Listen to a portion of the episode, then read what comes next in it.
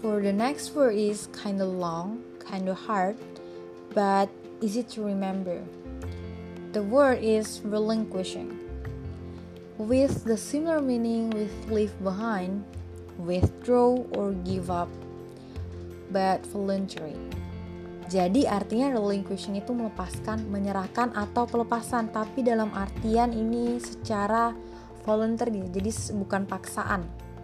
For example, he relinquished his manager role to become chief executive.